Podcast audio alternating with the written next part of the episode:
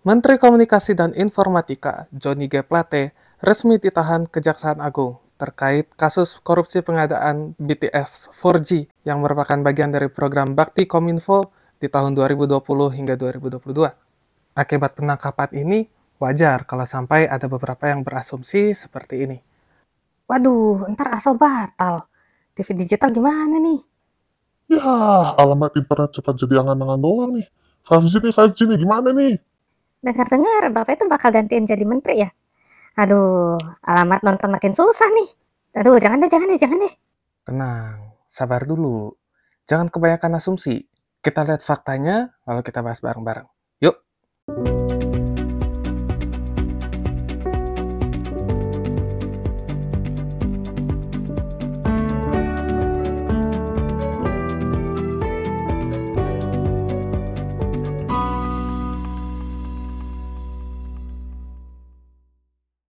Salam jumpa penikmat layar kaca. Sebuah kabar yang cukup mengejutkan beberapa hari yang lalu. Uh, mungkin juga bagi sebagian orang ini kabar yang diharapkan. Bahwa Menteri Kominfo, itu Bapak Johnny G. Plate, akhirnya resmi ditahan oleh Kejaksaan Agung terkait kasus korupsi pengadaan BTS. Uh, bukan, bukan. Bukan band Korea itu. Tapi base transceiver station. Biar gampangnya karena ini istilah asing gitu ya biar gampangnya. Ini tower-tower buat handphone gitu loh. Biar bisa internetan dari HP gitu. Atau telepon, SMS, ya you name it lah. Nah, yang dikorupsikan ini sebenarnya adalah pengadaan BTS untuk daerah-daerah yang tergolong daerah 3T. Terluar, terpencil, dan tertinggal.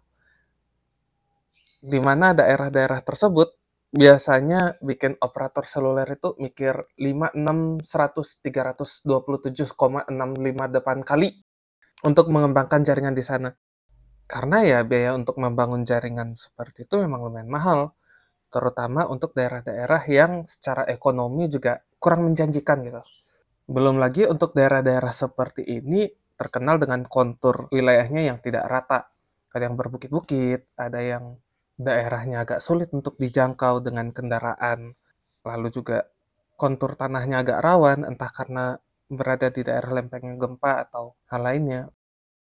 Saya pernah bertanya kepada seorang karyawan Telkom, beliau mengatakan bahwa untuk menyelenggarakan jaringan untuk satu menara BTS saja, biaya operasional per bulannya itu bisa sekitar 40 juta.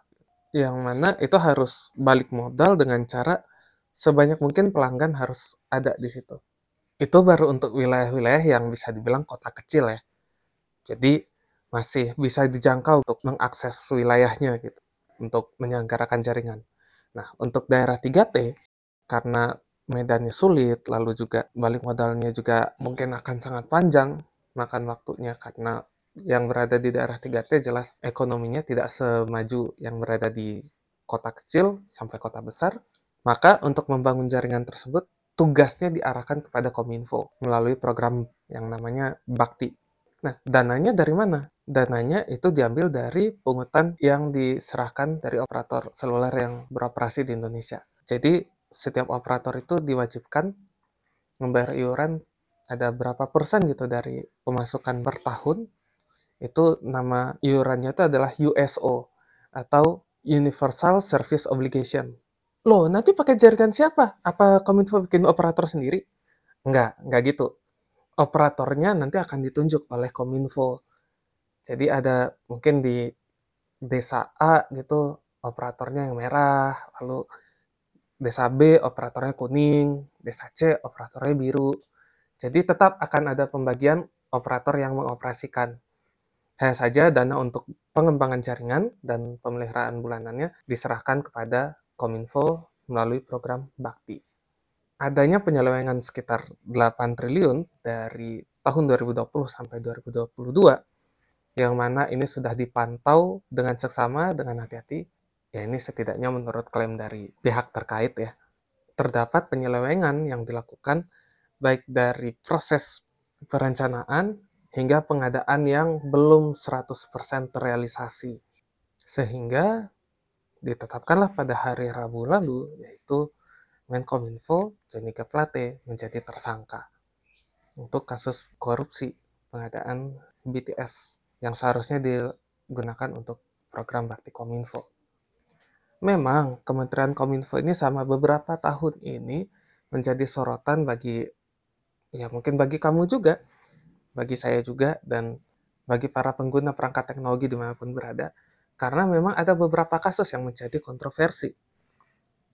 Selain masalah BTS ini, ada kasus Unlock Switch Off yang berkali-kali diundur dan sekalinya berjalan itu setengah-setengah, tidak maksimal pelaksanaannya. Dan kita harus ketahui bahwa Indonesia sudah ditegur loh sama ITU gara-gara Unlock Switch Off-nya tidak berjalan lancar. Sudah kendor dari target pelaksanaan yang dijanjikan kepada ITU, yaitu di tahun 2022 itu harusnya sudah kelar. Belum lagi kasus seperti wajib registrasi penyelenggara sistem elektronik atau PSE yang ternyata juga tidak menjamin keamanan sepenuhnya bagi siapa pun untuk menggunakan internet gitu. Ya, kita tahu lah berapa waktu terakhir ada kasus pembobolan data yang dilakukan oleh orang bernama Bjorka yang makin ke sini makin dicurigai sih kalau Bjorka itu bisa jadi orang dalam Kominfo. Karena ya begitu kementerian atau lembaga terkait mendapatkan anggaran, biarkannya hilang. Atau juga masalah censorship yang sampai sekarang masih kesulitan kita melihat garis yang benar-benar jelas gitu. Bagian mana yang perlu disensor, bagian mana yang tidak perlu disensor. Ini dalam konteks internet ya.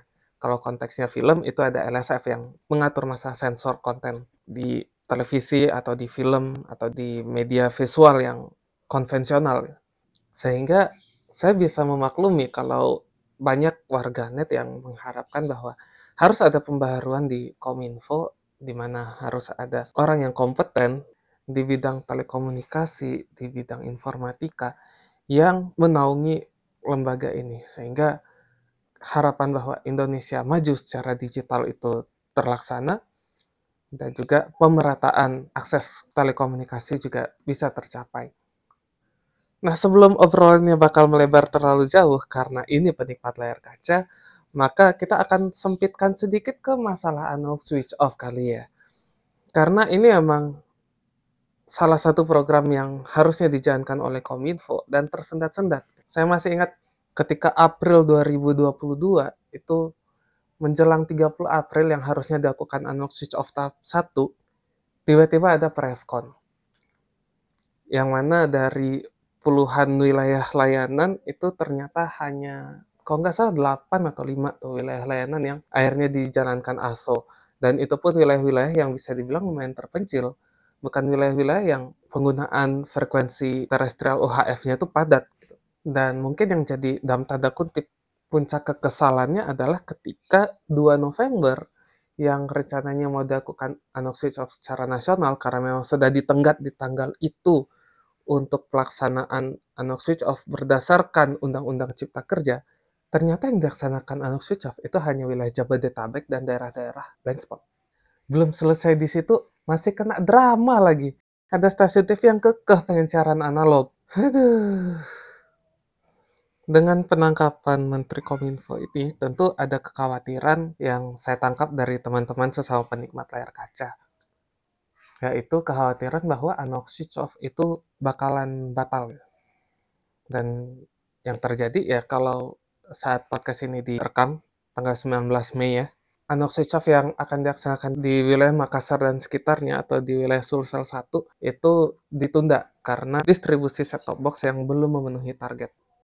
Kekhawatiran akan batalnya analog switch off secara nasional kemudian bertumbuh secara berlebihan karena asumsi dari rekan-rekan sesama penikmat layar kaca yang mengasumsikan tokoh-tokoh tertentu yang akan menjadi pengganti Menkominfo yang saat ini ditahan, yang salah satunya adalah tokoh yang vokal menentang analog switch off dan disinyalir menjadi salah satu tokoh di balik tertundanya ASO selama bertahun-tahun.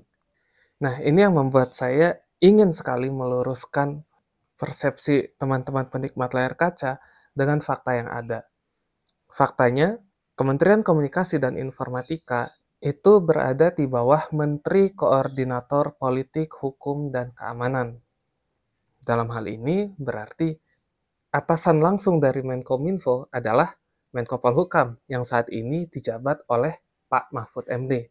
Dan Pak Mahfud MD sendiri, sebagaimana yang sudah kita sering lihat di media, itu sosok yang tegas kalau bicara masalah politik, hukum, keamanan, dan salah satunya bagaimana Pak Mahfud MD itu pasang badan ketika ada lembaga penyiaran yang bandel dengan tetap bersiaran analog di wilayah Jakarta, terutama pada tanggal 3 November, tepat setelah dilaksanakannya analog switch off. Dan salah satu tugas dari Menkominfo adalah untuk menggantikan menteri di bawah naungannya yang sebelumnya berhalangan untuk menjalankan tugasnya, baik itu karena sakit ataupun karena tersangkut kasus hukum. Sehingga apa yang perlu kita pastikan terkait siapa yang menggantikan Menkominfo untuk posisi saat ini?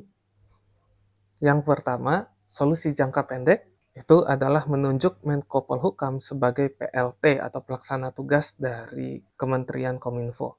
Sampai nanti Presiden menetapkan Menteri Kominfo yang definitif. Yang kedua, ketika Presiden menunjuk Menkominfo definitif, itu yang harus dipahami bahwa Menkominfo yang terpilih itu bekerja di bawah naungan Menko Polhukam. Artinya, siapa pun yang menjadi Menkominfo nantinya, itu tetap harus tunduk sama arahan dari Menko Polhukam atau Pak Mahfud dalam hal ini. Tentu kalau mau berasumsi ya, agak sulit memilih menteri yang tidak sejalan dengan Menko-nya. Dan yang ketiga, apakah ada urgensi dari Presiden untuk memilih Menkominfo definitif dalam waktu segera? Bagaimanapun, kita harus memahami bahwa memilih menteri itu tidak sekadar menunjuk siapa yang bertugas untuk membawahi bidang tersebut, bukan sekadar memilih orang yang ahli atau orang yang punya koneksi, tetapi ada tidak strategi yang disiapkan oleh presiden untuk menjaga stabilitas setidaknya di pemerintahannya. Stabilitas dalam hal apa? Apakah itu masa menangkal kabar-kabar palsu atau bagaimana menjaga keamanan data terutama data dari ring satu pemerintahan? Ini yang kita tidak tahu persisnya seperti apa karena hanya presiden yang tahu dan presiden yang mempunyai rencana tersebut. Karena ya politik itu seperti bermain catur. Kita tidak berpikir satu dua langkah ke depan, tapi lima sepuluh langkah ke depan. Nah, lantas dengan Menkominfo yang baru, apakah program seperti Anok Switch Off bisa batal di tengah jalan? Hmm, kalau dari awal sudah khawatir kayak gitu, kenapa nggak dari dulu aja dibatalin ya? Terima kasih sudah mendengarkan monolog penikmat layar kaca di aplikasi streaming podcast favoritmu. Ikuti terus konten-konten seru lainnya dari diofi.id. Sampai jumpa!